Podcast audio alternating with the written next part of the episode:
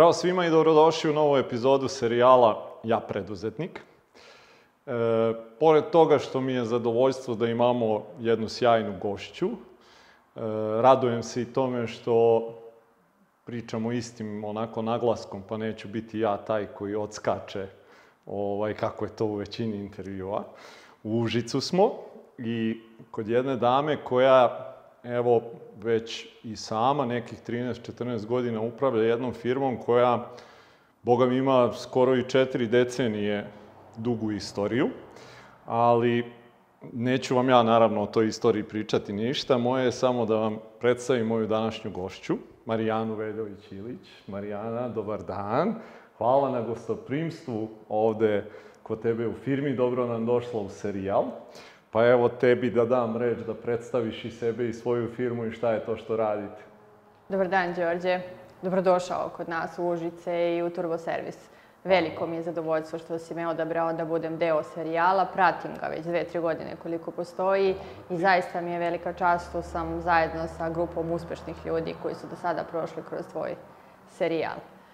A, što se tiče turbo servisa, da, dobro si rekao, mi postojimo već 37 godina 1984. je firma osnovana i tada je bila jedna od malobrojnih firmi u Užicu. E, jedna od pet firmi e, privatnih e, koje su ovaj, postojale samo u našem gradu.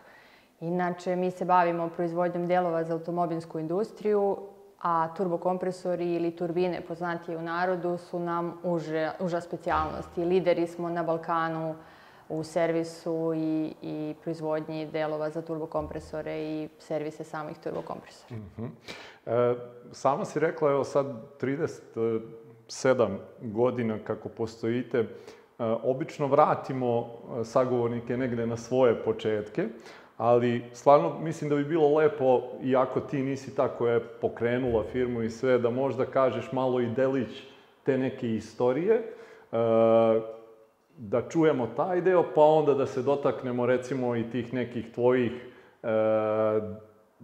dana detinstva i prvih nekih sećanja koje imaš na, na, na samu firmu i da je to nešto što se oko tebe eto dešava.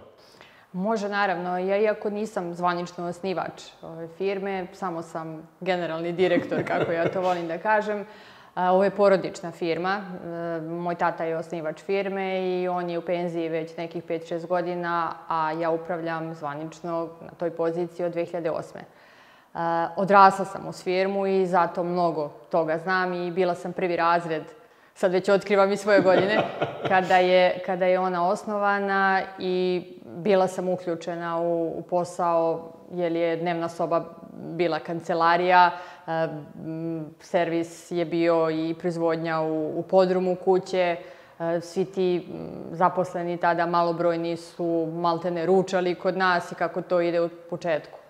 I ja sam imala svoja zaduženja, naravno. U početku sam e, bila higijeničarka. Moj mhm. glavni zadatak je bio da vidim da li ima toalet papira, da li ima čistih peškira i to su bila neka zaduženja. Onda sam kasnije amazovala u kafe kuvaricu.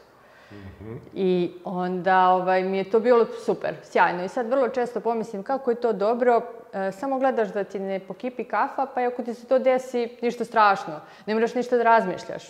Pustiš e, mozak da, da misli o, o čemu želi. A onda kasnije, već od sedmog razreda, počinjem da e, fakturišem, da radim obračun zarada i to me nekako od uvek zanimalo. I nikada nisam voljela nešto kućne poslove, bila sam konstantno sa tatom u, u servisu i, i u firmi. Mm -hmm.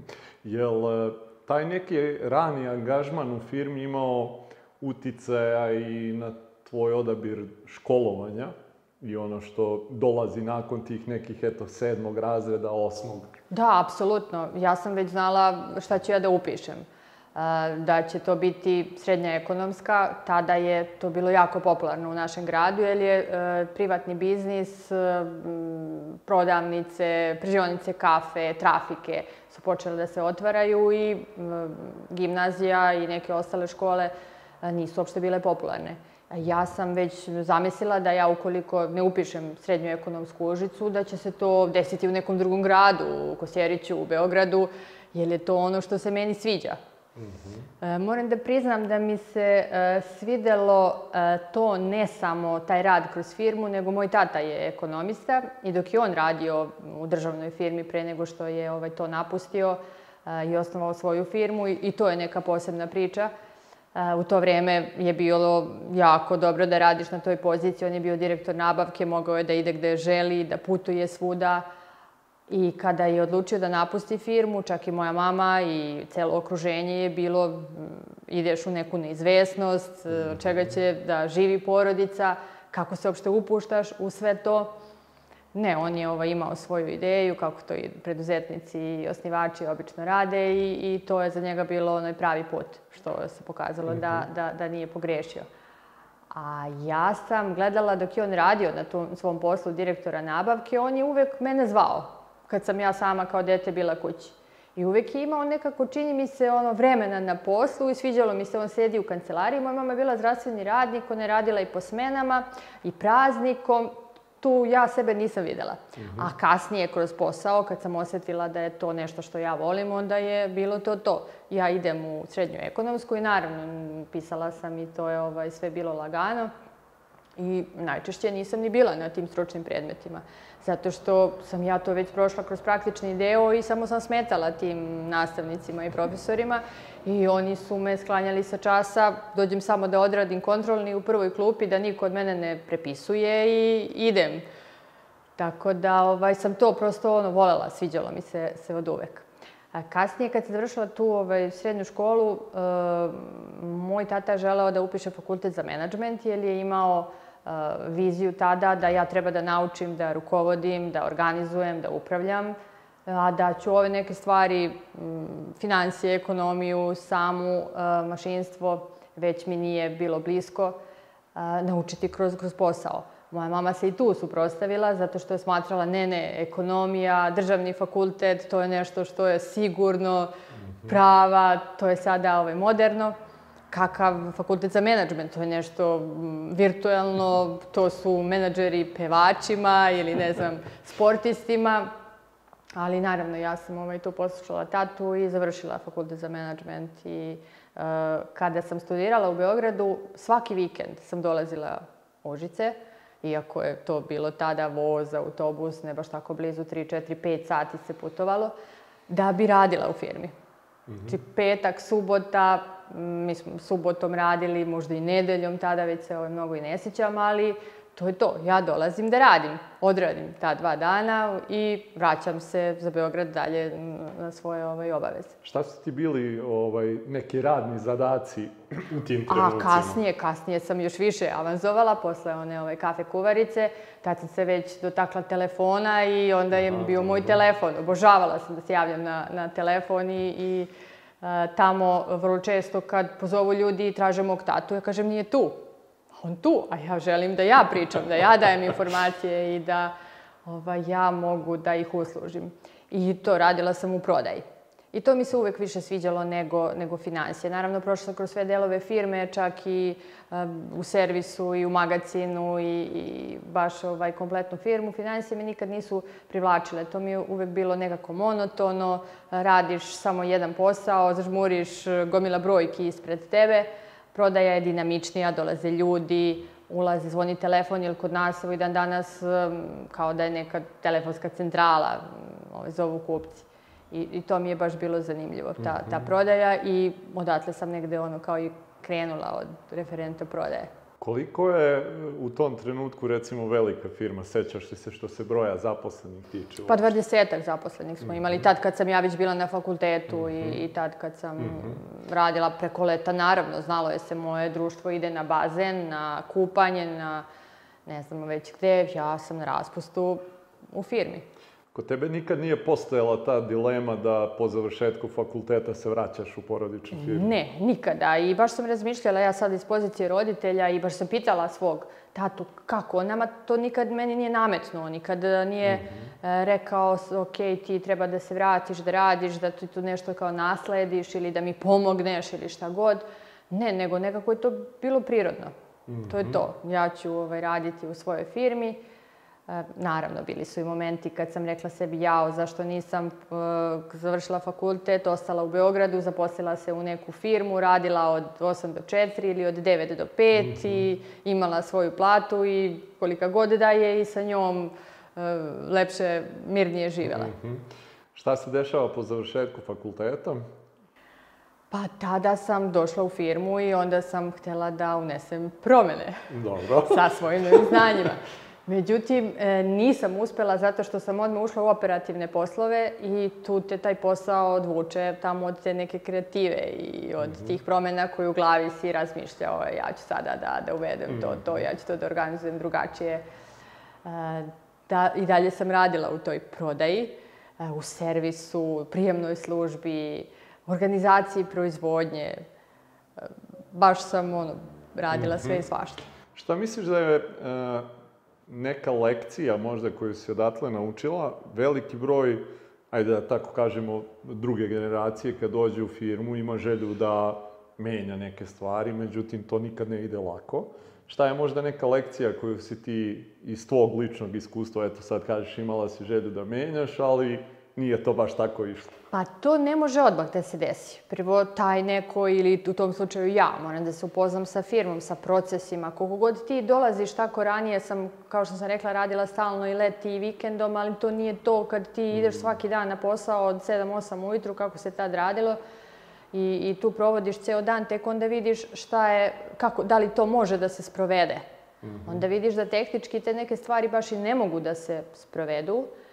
A i meni je bio problem što sam ušla u operativne mnogo poslove i onda nisam mnogo mogla se bavim upravljačkim. Ono što sam ja imala sreću u odnosu na druge, što moj tata kao tada direktor i osnivač e, nije sputavao u tim nekim promenama.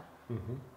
Jer kada sam pričala sa svojim e, kolegama sa fakulteta koji su imali isto svoje porodične firme ili posle kroz neka udruženja ili organizacije, mnogi ljudi imaju taj problem gde osnivači ne daju nikakve mhm. promene, ne žele promene, oni su navikli na to zona komfora, e, čak e, susretala sam se sa kolegama čiji roditelji nisu dali da se otvori internet sajt, da se ne kao šta će nama tamo mi da idemo negde u neki mhm. ovaj svet ili na neki internet. Ja sam imala baš tu sreću što, što ovaj, je moj tata podržavao sve to što, što ja predložim, ali je mene, mene ta ovaj, gomila poslova koju sam ja sebi natovarila sama na, mm -hmm. na mhm. leđa uh, usporavala mnogo. Mm -hmm. E, koliko vremena u tom trenutku, recimo, provodiš sa svojim ocem i, i, i koliko e, znanja uspevaš da pokupiš od njega? Pa bili smo u različitim kancelarijama, ali sam opet se trudila da učim od njega. Nikada nisam imala, ba, baš sam mu to jednom zamerila, nisam imala formalnu obuku. Da sad kažemo, ajde da tako se, ne znam, radi sa kupcima, mm -hmm. tako se radi sa zaposlenima, tako se gledaju bilansi ili ne. On je prosto pustio tako da, da ovaj, ono kad kažu ubacite u vatru, pa se ti ovaj, tu mm -hmm. znalazi a, ali sam ja ono, učila od njega sve, kako on kad dođe kupac, kad imamo reklamaciju, kad e, zaposleni nešto ima neki problem, kad imamo zaposlenog koji je nezadovoljan, kako on to rešava. I onda sam mm -hmm. ovaj, tu uspela dosta toga da naučim. Iz neke perspektive e, gledanja e, sistema kao takvog u trenutku, dakle, kad si se ti e, školovala, e, imala priliku da vidiš teorijski, recimo, kako neke stvari treba da izgledaju, kako e, firma u tom trenutku izgleda, ima, ima li definisanih procesa, ima li jasno neki, ajde da kažemo jednom reču, uređen sistem ili je to više onako u nekom i dalje preduzetničku maniru. No, tu, tu uopšte nije bilo uređenog sistema, mm -hmm. apsolutno preduzetnička organizacija struktura, jedan čovek na vrhu i, mm -hmm. i svi ostali ove ovaj, dole ispod njega. On donosi odluke i, i pita se, se za sve. A, to je baš školski onako kako ne treba bilo i a, ona go-go faza gde se gleda samo kako da se ovaj kupci ispoštuju, da se ispoštuju rokovi, E, nikakve procedure, nikakvi definisani procesi, te kasnije smo ušli e, u sve to. Mhm. Mm -hmm. Koliko je... Tek 2004. smo, smo ovaj, pete smo, smo ušli mm -hmm. u mhm. to. Šta, šta je e, dovelo do toga da se uopšte počne razmišljati o svemu tome? Je li to neka tvoja inicijativa ili neki splet okolnosti koji se desi unutar firme pa te natera da, da Pa bilo je svega pomalo. E, Sećam se kada smo te, trebali da donesemo odluku da krenemo u implementaciju ISO standarda. 2003. to je tek bilo, par firmi je imalo mm -hmm. samo u Srbiji. Ja, nama to nije trebalo ni za kakve potrebe kupaca. Ja sam ovaj, htela da, da uđemo u to da bi mi sredili naš e, interni, jer smo bili totalno dezintegrisani i tu smo energiju gubili mnogo umesto da, da se bavimo sa kupcima, mm -hmm. što mhm. je negde bilo najvažnije bilo od početka osnivanja firme i ta kultura je i dalje zadržana mm -hmm. kod, kod svih nas zaposlenih. I ti, m, kroz standard smo krenuli sa procesima, sa procedurama, e, tako Jel da... Je li to išlo glatko ili ne baš tako? Pa nije išlo glatko, naravno, pogotovo kod tih starosedeoca koji su navikli, mhm. zaposlenih koji su navikli da šta ja da upišem, ja uzmem iz magacina po sistemu prodavnice bez plaćanja, da ja tu treba da, da ovaj, upišem negde, zašto, kao kakva procedura, ja to radim tako hiljadu godina, sad ste vi došli nešto da ja moram da promenim. E, jel, od početka osnivanja je firma imala problem sa kadrovima, jel, e, za ovaj profil se ne uči u školi i onda smo morali da se snalazimo, da ih sami obučavamo, a obuka je trajala dve, tri godine. Mm -hmm. I na početku su bili ljudi koji su radili u velikim državnim sistemima kod nas u Užicu i oni su tamo navikli na skroz drugočiju kulturu mm -hmm. i onda su dolazili po par sati pa su radili ovaj kod nas i to je ovaj, baš bilo teško sa njima. Mm -hmm. e, koliko je tebi bilo teško da kao neko, eto, sad kažeš, još dok si bila u osnovnoj školi, si bila neka klinka koja se muva po firmi. I onda u jednom trenutku e, se vraćaš u firmu i treba da izgradiš i neki svoj autoritet, a tu možda ima ljudi koji te još uvek pamte kao neku devojčicu koja trčkara tu naokolo. Koliko ti je bilo izazovno sa te neke strane da e, izgradiš neki svoj lični autoritet? Pa jeste bilo izazovno, jer ja sam tada bila du, i više nego duplo od nekih e, dva, tri puta mlađa. Mm e, tako da nije, nije baš bilo jednostavno, ali nekako uz pomoć oca, on je me uvek podržavao i nije mi bilo teško. Mm Na kraju. Šta misliš da je e, neka ključna stvar koja je tim ljudima e, zaposlenima unutar firme, e, gledajući pored podrške tvog oca, da je bilo nešto eto što je pomoglo da oni tebe dožive kao ozbiljnog kolegu i saradnika u, u samoj firmi? Pa ja mislim upravo to. Znači, moj otac je e, tako me i predstavljao. Mhm. e, on me je zvao direktor, direktore pre nego što sam formalno od 2008. postala mm -hmm. direktor. I mm, tako su valjda oni shvatili, videli su prosto da se angažujem, da sam na poslu od 8 do 8, da sam uključena u sve, mm -hmm. da sam stalno sa njima u, u pogonu, mm -hmm. u magacinu. I prihvatili su me baš, nisam uopšte mm -hmm. imala ovaj, taj problem. Mm -hmm. Šta su neke stvari koje si recimo morala da menjaš kod sebe u tom periodu? Da ne, ili šta si još možda morala da, da usvojiš kao neku novu osobinu u, u, u tim početnim fazama kad si se vratila u firmu? Pa nešto se baš i ne sećam tog perioda, šta je to? E, verovatno ništa. Nisam, sigurno je toga moralo mnogo da se menja, mhm. ali ja nisam ništa menjala, jer u tom periodu nisam to osvestila da je potrebno. Aha. Ali verujem da je trebalo mnogo toga. Šta je dovelo do, do tih nekih osvešćenja? Pa edukacija. Mm Edukacija i problemi koji ti se ili izazovi kako god koji ti se ovaj, javljaju, onda na kojima učiš kasnije. Mm -hmm. I onda, aha, trebala sam to drugačije. Mm -hmm. Ta odluka je trebala da bude drugačija, sporija. Tako mhm. da... E, kad kažeš sama edukacija, koliko nje dolazi, recimo, kroz razgovore sa tvojim ocem, a koliko od traženja nekih, hajde da kažemo, eksternih resursa, bilo to knjige, e, neki seminar ili šta god već? Pa tada već više otac nije mogao da pomogne. U smislu, mm -hmm. on je e, kao većina osnivača preduzetnika. Oni znaju da imaju biznis ideju, kreiraju biznis i onda kad firma preraste e, njih same, i mi smo već u tom nekom periodu imali 50 zaposlenih, tada moraš da skroz drugačije upravljaš sa tim timom koji imaš. Mm -hmm.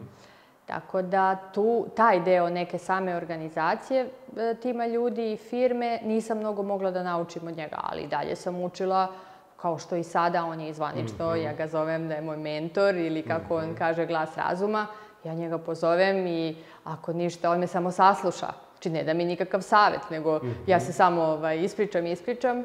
I onda on e, možda kaže nešto na kraju, najčešće ne kaže. Mm -hmm. I ja mu onda kažem super, hvala ti što si me saslušao i ja spotim slušalicu i sama nađem rešenje. Mm -hmm. Tako da i to je ovaj super, imati nekog Kako ko će ne? da te, kome sve smeš da kažeš mm -hmm. i ko će da ti da, vrlo često on i da, neki ovaj super savet mm -hmm. ili, e, pošto sam ja dosta brža od njega, on je smireniji, ja sam nestrpljivija. Mm -hmm E, tako da ovaj, on kao sačekaj malo, pusti da prenoći i bude od, od koristi mm -hmm. i pomoći i dan danas.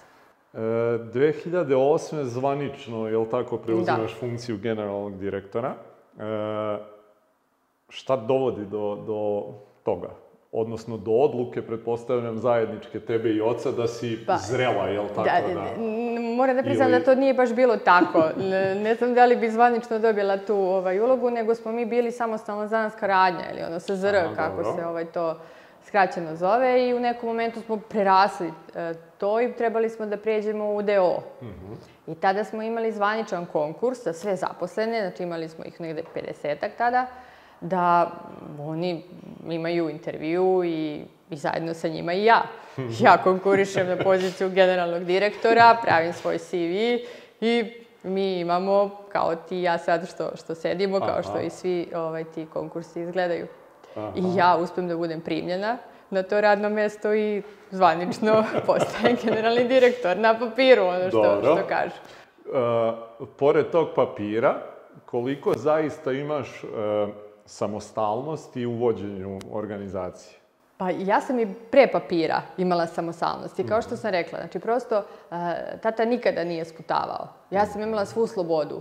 E, prosto dođem, informišem ga i kažem ja sam promenila to ili, mm -hmm. ili to i ili se nekad dogovorim čisto ga obavesti. Mm -hmm. Tako da nije neki taj papir mnogo mm -hmm. promenio da sam ja dobila neku viš, veću moć ili veće Dobre. ovlašćenja. Ja, Jesam negde odgovornost. E, to sam sad htjela te pitam, je li e, došao neki dodatni pritisak? Jeste, došao je kod mene ovaj veliki pritisak. Je li bilo straha e, od sad je možda samo na papiru, ali ipak to nosi neku težinu. Jesi imala možda neki strah ili sumnju u sebe? Pa nisam. Ja, ja sam ovaj, takva osoba da od uvek ono, verujem u sebe mm -hmm. i, mhm. i tu, tu baš ovaj, nemam problem. Tako da sam i tada, kao što sam i pre toga, i sada verovala u sebe. Mm -hmm. Veći pritisak sam imala kada se tata zvanično povukao. Mm -hmm. Kada je on prvo dolazio na posao ponekad, a onda je prestao da dolazi, jer je video da to sve super funkcioniše i da on to tamo može da prepusti nekom. Ili pre toga dok je formalno bio u firmi, bavio se razvojem, bavio se ono što on voli, što je ranije želeo, a nije imao vremena mm -hmm. za mhm. to i konstruisao neke nove mašine, neku novu opremu i mm -hmm. igrao se sa tim kako mm -hmm. smo mhm. ovaj, mi to zvali. Mm -hmm. e, tako da kada je već radio u tom razvoju, je tada je krenula ta, taj neki strah ili mm -hmm. a, da, li, da li će to moći, da li će firma zadržati, jel mi smo lideri Uh, u jugoistočnoj Evropi u ovoj oblasti, da li će zadržati tu lidersku poziciju, šta će mhm. biti sa zaposlenima, baš upravo mhm. ono što si me pitao na početku, sad ok,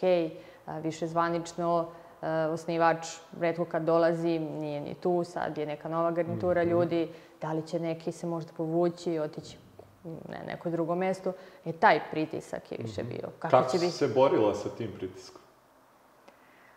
Pa borim se i dalje.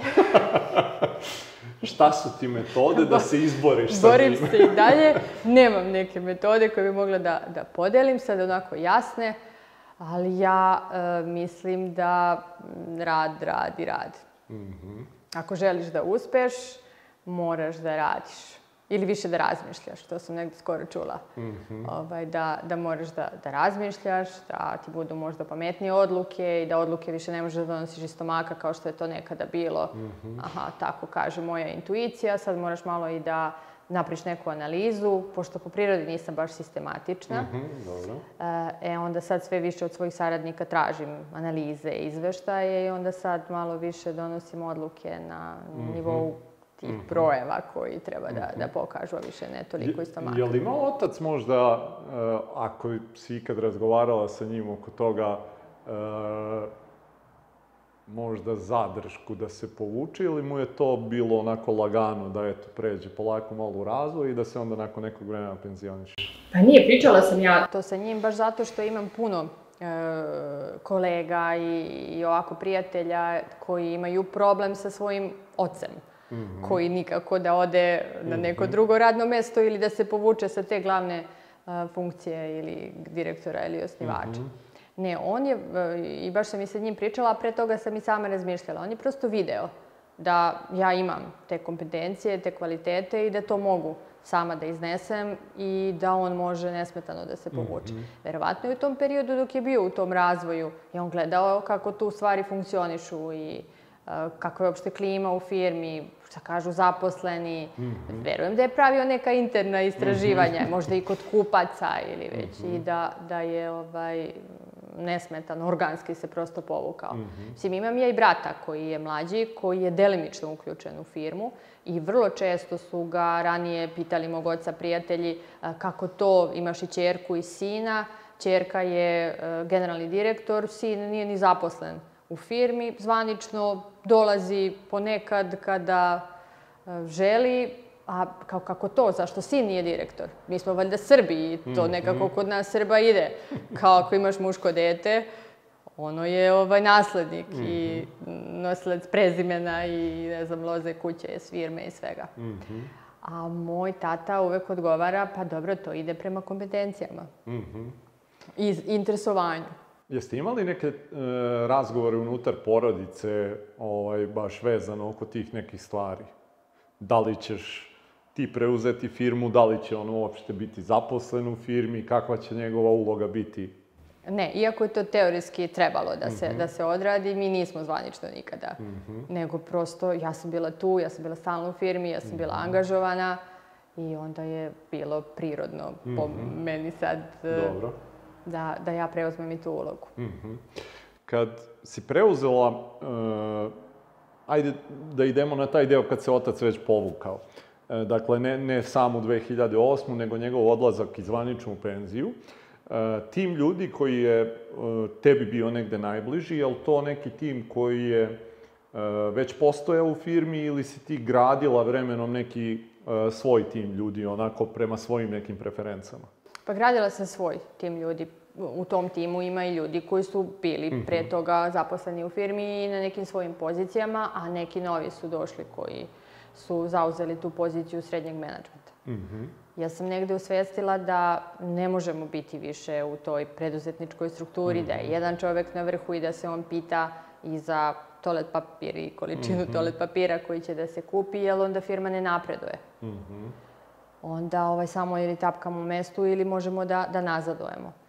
I onda sam morala da promenim svoj mindset i da e, učim, da čitam kako se sad mhm. prelazi u neku korporaciju, kako se prelazi u drugu organizacijnu strukturu. Mm -hmm. I mhm. to mi je ovaj, bilo najteže i to još uvek smo mi negde i dalje u toj tranziciji. Imamo mm -hmm. zvanično srednji menadžment, ali sa njima još uvek mora mm -hmm. da se mhm. radi, da i oni ovaj, shvate da odgovornost je to što treba da preuzmu kad su na toj poziciji.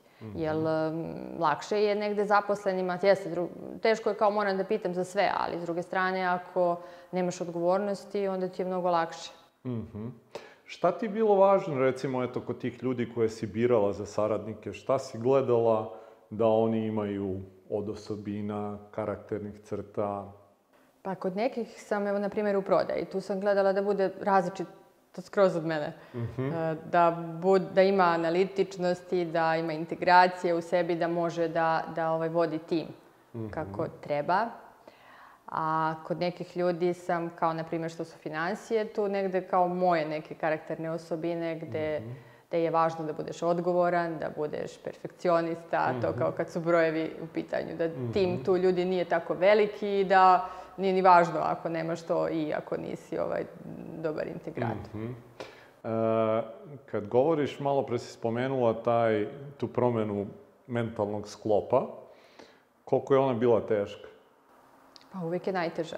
Mm -hmm. Uvek je najteža. Puno je tu bilo rada. Mm -hmm i čitanja i rada sa ljudima. E, valjda su to bila takva vremena. Moj tata, na primjer, nikada nije angažovao ni za šta nikakvog konsultanta. Mm -hmm. Prosto kao, ok, ja to znam da radim, kako onaj, i, uspeo sam, imam firmu, ti ljudi, oni prodaju neku maglu ili nešto. I ispostavilo se da i kad smo pokušali da angažujemo nekog, stvarno nisu imali te neke, nismo dobili dobre savete ili... Mm -hmm.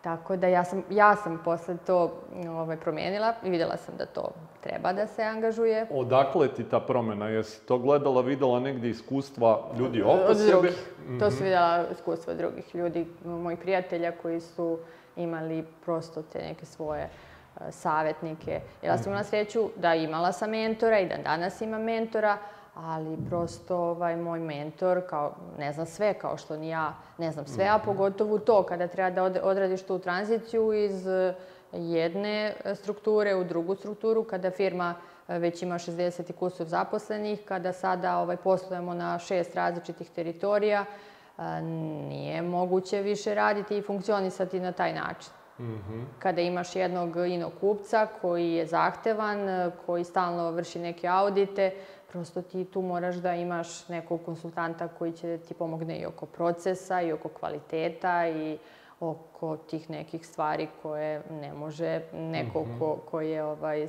uspeo da osnuje biznis i... Mm Šta su neki onako milestone i ako gledaš taj period od kad si ti došla u firmu? Šta su možda te neke značajne stepenice koje su se dešavale, eto, ajde da gledamo tvoj, ovaj, tvoje postavljenje 2008. pa na ovamo, ili možda čak ako hoćeš da se osvrneš i neki raniji period, šta su možda neke ključne stvari koje bi izdvojila kao možda neke eto, odskočne daske ili tako neke značajne trenutke u razvoju firme? Pa, ja, ja nekako jesam i nisam skromna, ali nisam baš sigurna da je to samo moja zasluga, nego mm -hmm. uh, i tržište nam je to omogućilo i ta energija koju smo ulagali, kupac, nama je uvek kupac eh, i dan danas najvažniji i prosto njegov tretman uvek je drugačiji nego kad sam ja kupac tamo negde. I mislim da je nekako organski firma rasla, ne samo zahvaljujući mm -hmm. meni. Uh, možda u pre pet godina ili kada sam već ovaj, donela odluku zvanično da izađemo na druga tržišta. Jel, mm -hmm. a, uvek je bilo da, potrebno je, ali ko će sad sa tim da se bavi? Imaš dovoljno mhm. ovde posla, kao ko će sada da, da ide tamo da traži prostor, da traži ljude, da, da ovaj, sebi još te neke obaveze e, na, na vrat. Možda jeste to i, i naš najveći kupac e, Skanija i Švedske e, to se negde isto desilo ugovor sa njima pre 5-6 godina i to je nešto mhm. što, što je jako bilo značajno za samu firmu i za nas. Mm -hmm. Mi pre toga smo mi radili za Mercedes, međutim, prestali smo da radimo kao neka firma, to je kao neko okruženje koje nije najsigurnije za njih, jer to je bilo 2006. kada u našoj zemlji Uh, jer firma je, za 37 godina smo prošli sve, i embargo, i bombardovanje, i i krizu jednu, evo sad i ovu zdravstvenu. Mm -hmm. Tako da nije, nije baš uvek bilo lako. Mm -hmm. Jer ja se evo sećam tog embarga kada je bilo ili nedostatka struje, kad smo imali restrikcije po četiri sata pa ne, pa ne možeš da radiš ili ne znam embarga kada ne možeš da uvoziš repromaterijala, tebi repromaterijal treba i onda kombinuješ, snalaziš se na, na različite načine. Tako da eto, možda je to što se dešavalo poslednjih godina, što, što sada već više nemamo jednu firmu, nego imamo pet različitih firmi. Mm -hmm. Ja sam, evo, baš za početak korone, kad je bio, shvatila da ja ne vodim jednu firmu, nego vodim pet mm -hmm. firmi u različitim zemljama, jer moram da ispratim njihove propise, Uh, i uopšte kad stignu pet završnih računa, mm -hmm. da, mhm. da to nije ovaj, samo, samo jedna firma, mm -hmm. iako to slično ovaj, funkcioniše mm -hmm. i na mhm. ostalim lokacijama i u ostalim zemljama. Koliko je tebi bilo uh, u, u, u toj fazi kad se otac povukao, uh, koliko ti je bilo teško, recimo, da, da možda neke stvari delegiraš svojim ljudima? Jesi imala tu malo onako neki izazov? E, bravo Đorđe, ti kao da me poznaješ. E, to mi je bilo teško i e, toliko sam se lečila od toga da, da baš mi je teško išlo. Mm -hmm. A, uopšte ovaj, nisam mogla dobro da, da ovaj, lako da prepustim drugima. Mm -hmm. šta, šta ti je tu bila prepreka? Pa ja, ambiciozna, odgovorna, perfekcionista, niko drugi ne može da uradi kao ja. Mm -hmm E, pustim ja ponekad, kao pročitam, naučim, čujem da treba to da uradim i pustim. I to nije to. Nije prosto ni takav izveštaj, nisu takve reči, ne pričaju tako sa kupcima. Ja kad uđem u prodaju i čujem kako oni pričaju sa kupcima, meni odmah e, knedla u grlu ili, ili ovaj, grč u stomaku. I baš mi je trebalo puno vremena da, da ovaj, naučim da, da delegiram. Šta su stvari koje su ti pomogle da to naučiš? pa edukacija i knjige. Mm -hmm. I to neko osvešćenje toga da, da na tome treba da radiš. Jer uh, e, jedan čovek ne može sve da radi mm -hmm. i da može samo da izgori. I, mm -hmm. i mhm. to je to. Mm -hmm. ako firma da ide dalje, moraš da uključuješ tim. Ako ih već imaš i ako oni za to primaju ovaj, svoju platu. Mm -hmm.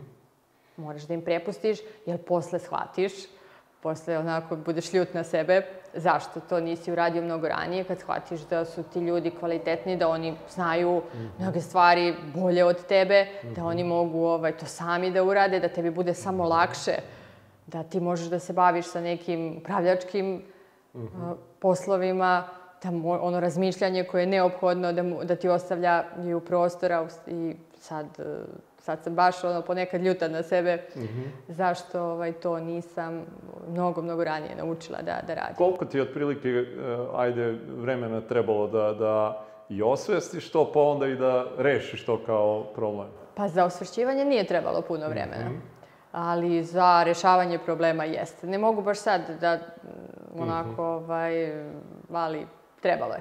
Mm -hmm. e, shvataš li taj deo, znači, E, negde e, i delegiranjem, da e, bi trebalo više vremena da si posvećena onoj ptičijoj perspektivi umesto te neke žablje i operativne. Je li to isto došlo delegiranjem kao neko osvešćenje kad si krenula da se baviš razmišljanjem, da to tako kažem? Pa jeste, baš nekako došlo je jedno sa drugim. Mm -hmm. Videla sam da moram imati pod hitom tiču perspektivu, da, mm -hmm. da ne mogu baš ovaj, kontrolisati mm -hmm. ovaj, svaki proces i svaki sektor i da ne mogu raditi sve ja. Mm -hmm. e, kako vidiš recimo sad svoju ulogu ovaj, sprem tvojih najbližih saradnika? kako recimo teče, ne znam, nedeljna komunikacija ili dnevna ili koliko često se viđaš sa njima, ka, kako ti recimo izgleda jedan dan ili radna nedelja u ovom trenutku? Pa opet smo mi mala firma. Mislim, mm -hmm. nas ima, kao što sam malo pre rekla, 60 i dvoje, troje, ovde nas je 50 i nešto, ostalo je po ovim o, eksternim našim ovim poslovnim jedinicama mm -hmm. i mi se viđamo malte ne svaki dan. Mm ali opet s druge strane imamo jasno definisane kolegijume i sastanke sa različitim sektorima različitih dana. Mm -hmm. Tako da taj deo smo uspeli da, i to je bilo isto teško, mm -hmm. zato što e, krene sastanak, svi kasne, mm, napravila sam to da, mm -hmm. da ovaj, se ne, ne priča, ne može se priča na telefon, da ne može da se izlazi, da ti sastanci budu zaista produktivni, jer niko ih nije voleo, nisam ih volela ni ja. Mm -hmm. A ni moji zaposleni, jer nisu navikli na to, kao to je mhm. gubljenje vremena za njih. Kao šta mhm. sad, oni treba da pričaju šta oni rade, pa bolje je da idu da rade. Mm -hmm. Tako da smo, trebalo nam je baš isto ovaj, neki godinu, dve da dođemo u tu fazu da, da se i oni, a ja osveste da je potrebno da se komunicira na tom nekom višem nivou, da ne možemo na hodniku da, mm -hmm. da mhm. rešavamo neke stvari. Mm -hmm. Koliko ti je bilo izazovno sad sa strane neke i tvoje lične porodice, e, kad si dobijala decu, da nisi prisutna u firmi, kako su stvari funkcionisale recimo tad? to, da, i, i tu kao da me poznaješ. Ja sam počela da radim sa tri meseca kada je imalo i jedno i drugo moje dete. Mm -hmm. Znači, samo taj neki ono baš period dok, dok se nisam ja oporavila i oni malo ovaj, da nisu ojačali da, da može da ih čuva neko drugi. Uh mhm. -huh. Tih tri meseca ja sam bila uključena u glavi, uvek. Uh mhm. -huh. I negde sad ono kroz, kroz mailove, tata me je informisao. Iako on neće ništa priča, naravno, imam ja sad svoje obaveze, to je ovaj prirodno. ali ja sam stalo zapitkivala šta se dešava u firmi, šta je, i onda negde sam dobijala informaciju. I bila mhm. sam negde ono, u, u glavi sa, sa firmom. Uh -huh. Koliko ti je danas teško da se diskonektuješ? I danas mi je lako. Danas ja. mi je mnogo lakše, zato što je to sve opet bilo u tom periodu mm -hmm. pre nego što sam ovaj, radila na tome i dok nisam napravila tim ljudi koji radi sad svako i odgovoran je za svoje mm -hmm. sektore. I ja sada mogu da, mm -hmm. da odem na odmor ili mm -hmm. gde god. E, spominjala si već ono e, često kroz razgovor edukaciju. I To je onako jedna velika boljka i preduzetnika i druge generacije uopšte, ako ne govorimo ovaj, sad samo o preduzetnicima, nego i o njihovim naslednicima. E, jel ti taj deo razumevanja uopšte toga da moraš kon, konstantno da radiš na tome bio negde prirodan ili si to morala negde da usvojiš kao neku naviku? E, I šta su ti bili neki, recimo, omiljeni? Spominjala si, recimo, i neke knjige i to. Jesu to bili neki glavni ovaj, izvori odakle si dobijala sve te neke informacije? Pa moram da priznam da mi nije baš bilo omiljeno, ali sam mm -hmm. negde uvidela da je neophodno. Mm -hmm. I da su prošla vremena možda naših roditelja gde kad završiš fakultet ti sve znaš i ne moraš više mhm. ništa da učiš. Mm -hmm. Nego da sada kontinuirano moraš da učiš nešto. Polazeći od toga imali smo taj telefon na tipkicama, a mhm. sada moramo da naučimo kako se on koristi do mhm. mnogo nekih kompleksnih stvari. A i, i ne znam, i o roditeljstvu i mhm. o svim tim nekim stvarima kao ti to ne znaš, moraš da negde pročitaš. Tako da, pored toga, tih knjiga sada je stvarno ovaj, mnogo dostupno. Na YouTube možeš sve da, sve da naučiš, mm -hmm. samo ako, ako čovek otvoren za to i m, mm, samo ako ima želju. Koliko vremena otprilike e, posvećuješ tome? Pa puno posvećujem, otprilike skoro sad dva dnevno. Mm -hmm. Čitam ili sada sve više ove, ovaj, slušam. Mm -hmm sa, sa ovaj, sam slušalicama ovaj, po kući. Moji sada više ne znaju ono da li mogu da mi se obrate ili, ili ne, ali jednostavno to je, to je neophodno. Mhm. Pogotovo ako imaš tako te neke E, stvari ili nekog novog kupca ili, ili prelaziš jednu stepenicu više u firmi. E, ti to negde na fakultetu si možda i učio, ali mnogo je bilo davno pa si ovaj, zaboravio. A i kao što sam malo pre rekla, to se menja. Ja stalno pričam svojim kolegama da je to neophodno, jer sam i, i to uvidela. I to ovaj, nisam ranije, ni, ni mi kao firma. E, mi smo smatrali da je važno da kupimo opremu, I ne postoji ni jedna mašina koja je proizvedena eh, da je mi nemamo u firmi iz naše oblasti, ali smo mnogo malo ulagali u ljude. Mhm. Prosto kao, ok, taj čovek, on je završio školu, završio je zanat, završio je fakultet i on je došao da radi. On bi trebao mhm. da zna to da radi. A onda negde vremenom shvatiš da i njih moraš da edukuješ, da i njih moraš da ulažeš, da obučavaš, da ih šalješ na obuke. I tu sam imala problem, zato što ljudi nisu uopšte ovaj, hteli Prosto pošalješ, eh, evo sad sam poslala na, eh, iz HR-a kolegnicu na obuku, Imala sam 10 dana s njom, eh, ma šta će njoj to, da li će ona tamo nešto da nauči. Nisu svi ljudi osvestili da je to neophodno. Mm -hmm. Da mi moramo sada da učimo ono što kažu čovek se uči dok je živ. Mm -hmm. Ali to je stvarno su sada ove ovaj, takve vremena. Mm -hmm. Kad pogledaš Marijanu recimo unazad Pitao sam te za taj početni period, pa si rekla i da se toga ne sećaš. E, ali kad pogledaš Marijanu unazad, recimo, ajde, 10 godina i danas, šta su neke stvari koje ta Marijana pre 10 godina nije imala, a danas ima, jer je morala da stekne, da bi došla ovde gde je? Pa ima više strpljenja. Ona mhm. Marijana pre 10, 20, 30 godina je bila mnogo nestrpljiva.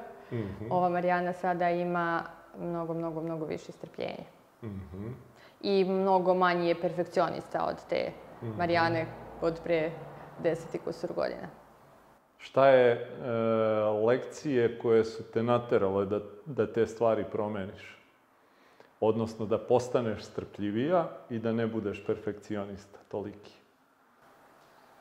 Pa ne, ne sećam se nijedne sad konkretne mhm. lekcije, ali stalno imaš ne, nekih ovaj, stvari gde ja brzo donosim odluke mm -hmm. i negde smatram da je to možda najčešće prednost i dalje mm -hmm. mislim da je to 80% prednost a redko kada pusti da prenoći, mm -hmm.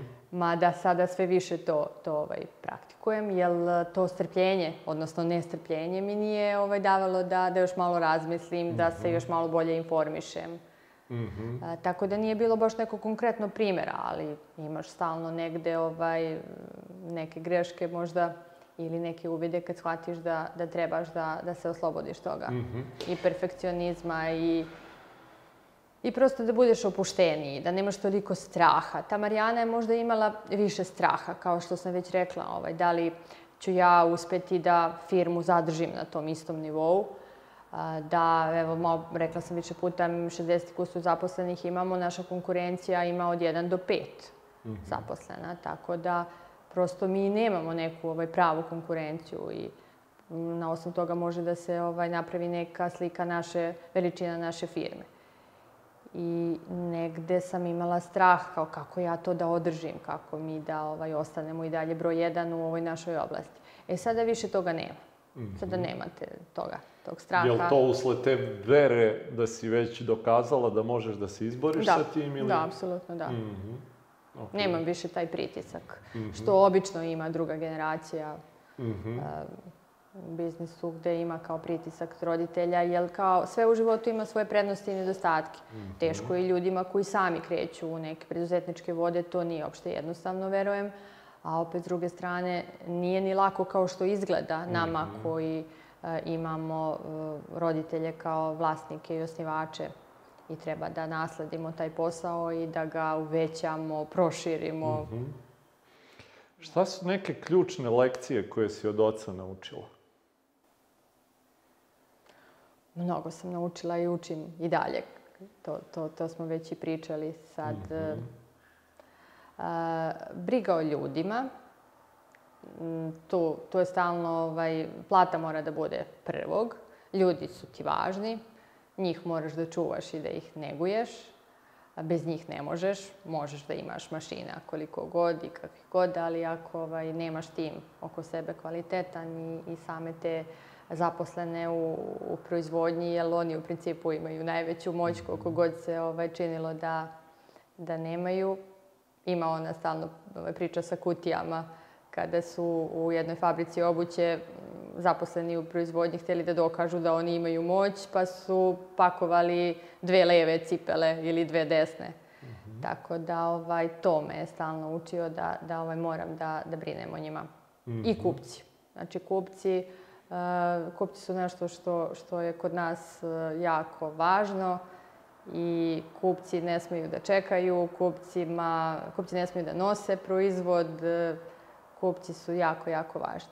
I mhm. negdje su i svi zaposleni to usvojili. I baš par puta kada smo imali neka istraž, eksterna istraživanja o a, e, merenju motivacije zaposlenih, e, baš su svi bili iznenađeni koliko je to važno kod, kod mojih kolega. Da kad mhm. neko, pošto mi radimo za celu bivšu SFRJ, kad neko prve četiri sata putuje do nas i dođe, kao koliko je važno da ga ispoštujemo i da on to dobije u, u nekom roku nego što, pre nego što očekuje. Mm -hmm. Spominjala si već ovaj, kroz razgovor donošenje odluka i da si bila nestrpljivija i da si e, bila i perfekcionista. E, danas kad dolos, donosiš odluke, rekla si da se trudiš da, jel tako, budeš i analitična, ali ima li i dalje instikta nekog koji treba da podupre to sve? Pa naravno. Mislim, to, toga se sa tim se završava. Mm -hmm. Mislim, možda sada krećem uh, od analitike i tih nekih izveštaja i tabela, ali na kraju se uh, mm -hmm. instinkt uh, možda bude najpresudniji da se donese odluka. Konsultuješ li se i dan danas sa ocem što se tiče nekih važnih A, da. stvari? Da, da. I ako se desi da nemate isto mišljenje, šta onda? Pa onda se moje prihvata. Ne, pa pošto ovaj, rekla sam već da ja imam brata mm -hmm. koji pomaže u firmi Dobro. i radi na tom tehničkom delu ovaj, mm. procesa i, i same organizacije. A, o, nekako nas troje mm, imamo te upravne mm -hmm. odbore naše i mm, dogovorimo se. Nije do mhm. sada nikada bilo da baš e, tata kaže, e, ne želimo da uđemo u tu investiciju. Evo sad smo imali baš skoro neku novu investiciju koju pokrećemo i e, on možda negdje nije bio za to. Dao je, napravio svot analizu, prednosti i nedostaci. Mm -hmm. Videla sam da u toj analizi ima mnogo više nedostataka, ali na kraju je prihvatio da mm -hmm. je to nešto što, što treba da se desi. Mm -hmm. e Rekla si da, da e, poslujete na teritoriji ono cele bivše SFRJ. E, koliko je bilo teško i izazovno sa te neke strane izaći na sva ta tržišta? Veliki broj naših firmi ovde ima želju da e, izađe van teritorije Srbije, pokušavaju na razne načine. Vi ste, ok, imali neko ime i reputaciju, ali koliko je bilo izazovno e, i pored svega toga da, da, da dođete na sva ta tržišta? Pa nama nije bilo teško, zato što 84. kada je firma osnovana, mi smo tada radili na svim tim tržištima mm -hmm. i mhm. zvanično smo sarađivali sa svim tim nekim starim firmama koje su tada radili. Mi smo samo njima sada se primakli mm -hmm. da mhm. oni ovaj, više ne moraju da dolaze ili da se organizuju da šalju, nego da ovaj, mogu to da završe u svojoj zemlji mm -hmm. i da dobijemo neke nove kupce koji možda nisu hteli da prolaze 4, 5, 6 sati da dođu u Užice ili da uzmu naš proizvod, nego da ga mogu kupiti u svom gradu. Mm -hmm. Tako da nije, nije bilo mnogo teško. U svim tim našim poslovnicama je više, planovi su i, i ciljevi te koje smo zacrtali su bili ove i duplo i, i dva, tri puta Mm -hmm. od, od planiranih. A sa strane, ako gledamo neke kompanijske kulture, koliko je bilo teško te ljude inkorporirati da posluju onako kako Turbo servis Užice posluje. Bravo, da, to je najteži deo.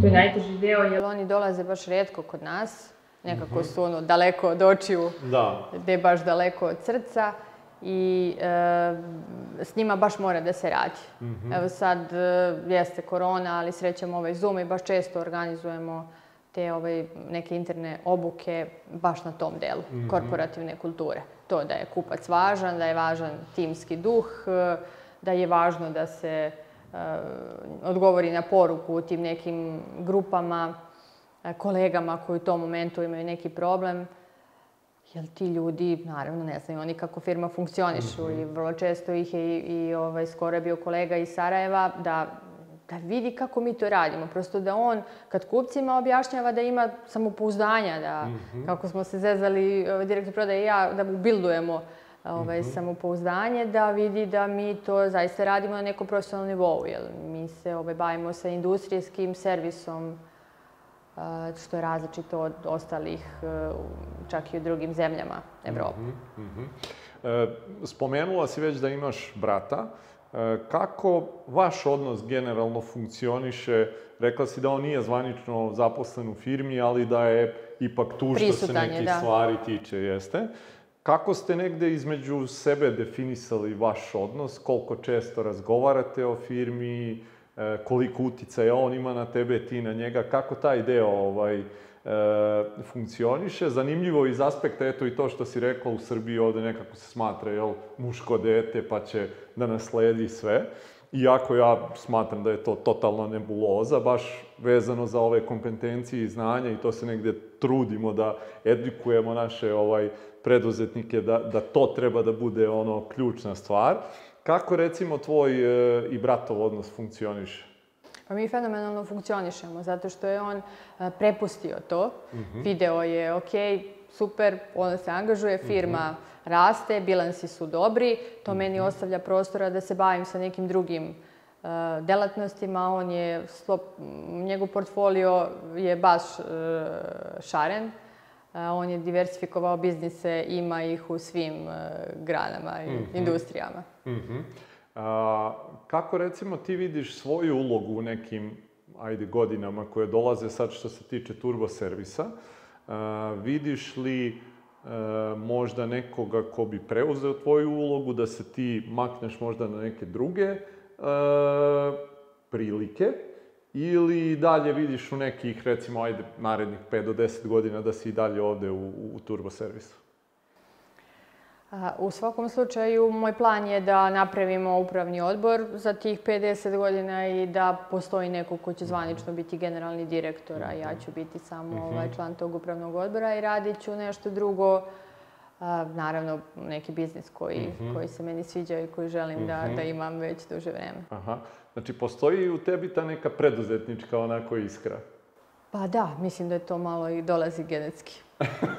Jel, I moj brat ima i, i čini mi se ovaj, da, da imam i ja. Hoće biti teško maknuti se odavde? Verujem da hoće. Ako mhm. bude kao sa onim delegiranjem, Aha. sigurno će zahtevati mnogo rada, čitanja, truda i, i priča sa različitim ljudima koji su to mhm. uspeli. Mm -hmm. e, ako sad se staviš u poziciju osobe, odnosno sebe kroz taj neki period, i treba da kreneš u neki preduzetnički poduhvat. E, šta su neke važne stvari koje misliš da će ti pomoći iz svega ovoga što si imala priliku da radiš u jednom uređenom sistemu, koji si ti većim delom uređivala, ali koji ipak nije nešto što si ti pokrenula. Misliš li da će biti nekih stvari koje će ti pomoći, a misliš si isto da će biti neke stvari koje će možda biti hendikep? Pa verujem da hoće, zato što nije, nije jednostavno kad krećeš eh, iz početka i vraćaš se sad u neku tu fazu udvaranja i prelaziš mm -hmm. u mhm. gogo, a mi smo sad već prilazimo top formi. Uh, ali opet biće mnogo lakše, zato što sam neke stvari ovamo ove dečje bolesti, kako kažu, ovaj, preležala, pa će biti lakše da formiram tim, da mm -hmm. ljudi treba da rade i da imaju i odgovornosti i ovlašćenja mm -hmm. na mhm. svojim ovaj, pozicijama, a ja samo da koordiniram sa tim i da mhm. upravljam. Mm -hmm. Ok. A ako bismo sad trebali da ljudima koji nas prate, i koji su ili pokrenuli poslove svoje ili razmišljaju negde da pokrenu, a ti treba da im možda daš neki savet.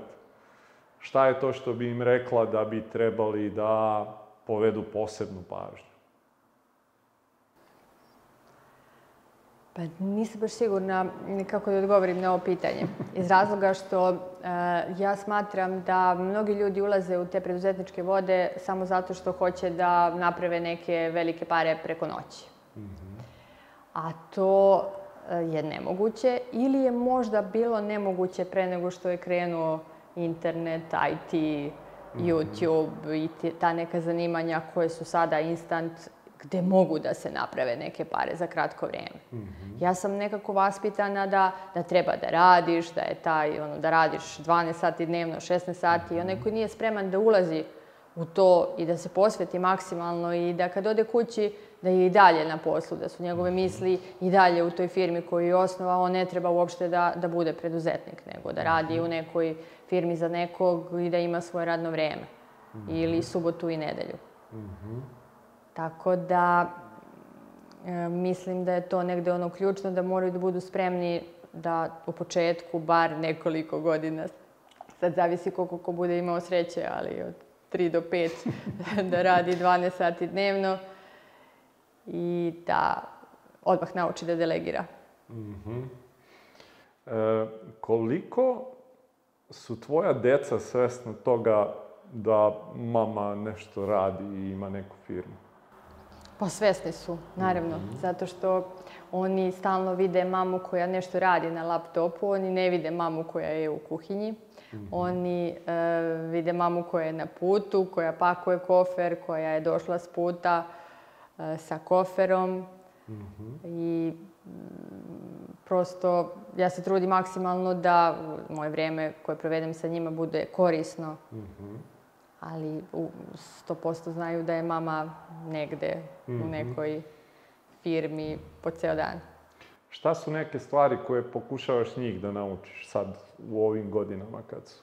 A, samopouzdanje, To je jako važno, mislim, da za sve nas e, i samopoštovanje. Mhm, mm okej. Okay. E, kad pogledaš sad ovako svoju ajde da kažemo i menadžersku karijeru, ne znam da li mogu da kažem preduzetničku, pošto si negde ovaj, e, firmu u jednom trenutku preuzela od oca. Šta je bio najteži trenutak? Pa nije bilo najtežeg trenutka mm nekog sad određenog. Mm Bilo je više teških trenutaka, mhm. ali se to sve nekako na kraju reši. Mm Šta je to što je tebe, većina preduzetnika ima tu neku strast koja ih e, tera kroz te neke teške periode. A, e, šta je tebe teralo da preguraš sve te neke teške trenutke? Pa želja, verovatno, za tim da uspeš. Mm -hmm. Kako definišeš ti uspeh? Pa, mislila sam da, na kad je u pitanju firme. Mm -hmm. Znači da, da uspeš da pregruvaš taj trenutak ili ono da firma ide dalje, da ide napred. Mm -hmm. Ja svojim saradnicima svakodnevno pričam uh, da moramo da imamo promene, pošto ljudi ne vole promene, svi se mhm. plaše promena, vole tu zonu komfora, mhm. samo ne talasaj, mhm. da ako ne napredujemo, mi nazadujemo. I onda ja se trudim kao uspeh, samo ideš dalje, ideš napred, penješ se za još koju ovaj, lesvicu više. Jel, e, taj stav uvek postoje oko tebe to da uvek se stremi ka lestvici više? Jeste u smislu da ti to bilo prirodno ili da si možda naučila od roditelja ili koga već? Mislim da mi je bilo prirodno. Mm -hmm. Mislim, ja mislim, ali opet možda sam negde to pokupila od, mm -hmm.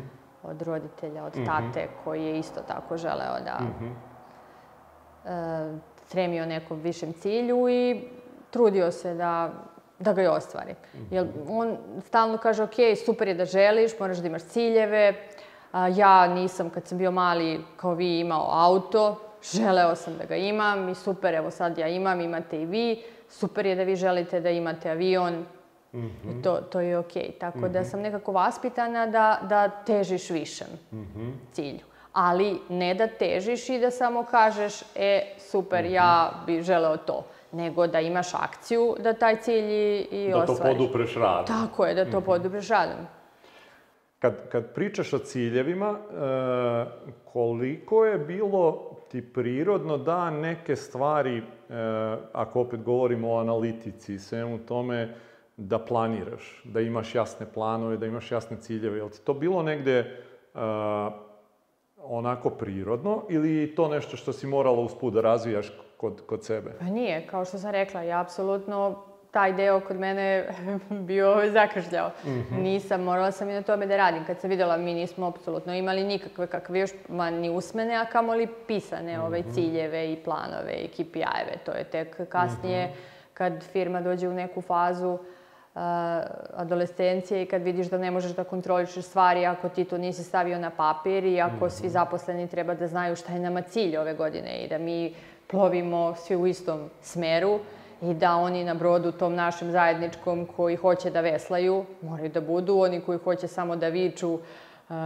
oni ne mogu da, da postoje, tako da sam to već imam, ne znam sad već možda, ali deseta godina unazad postavljamo ciljeve mm -hmm. i, mhm. i radimo realizaciju i šta mm -hmm. već mhm. sa tim ide. Okay.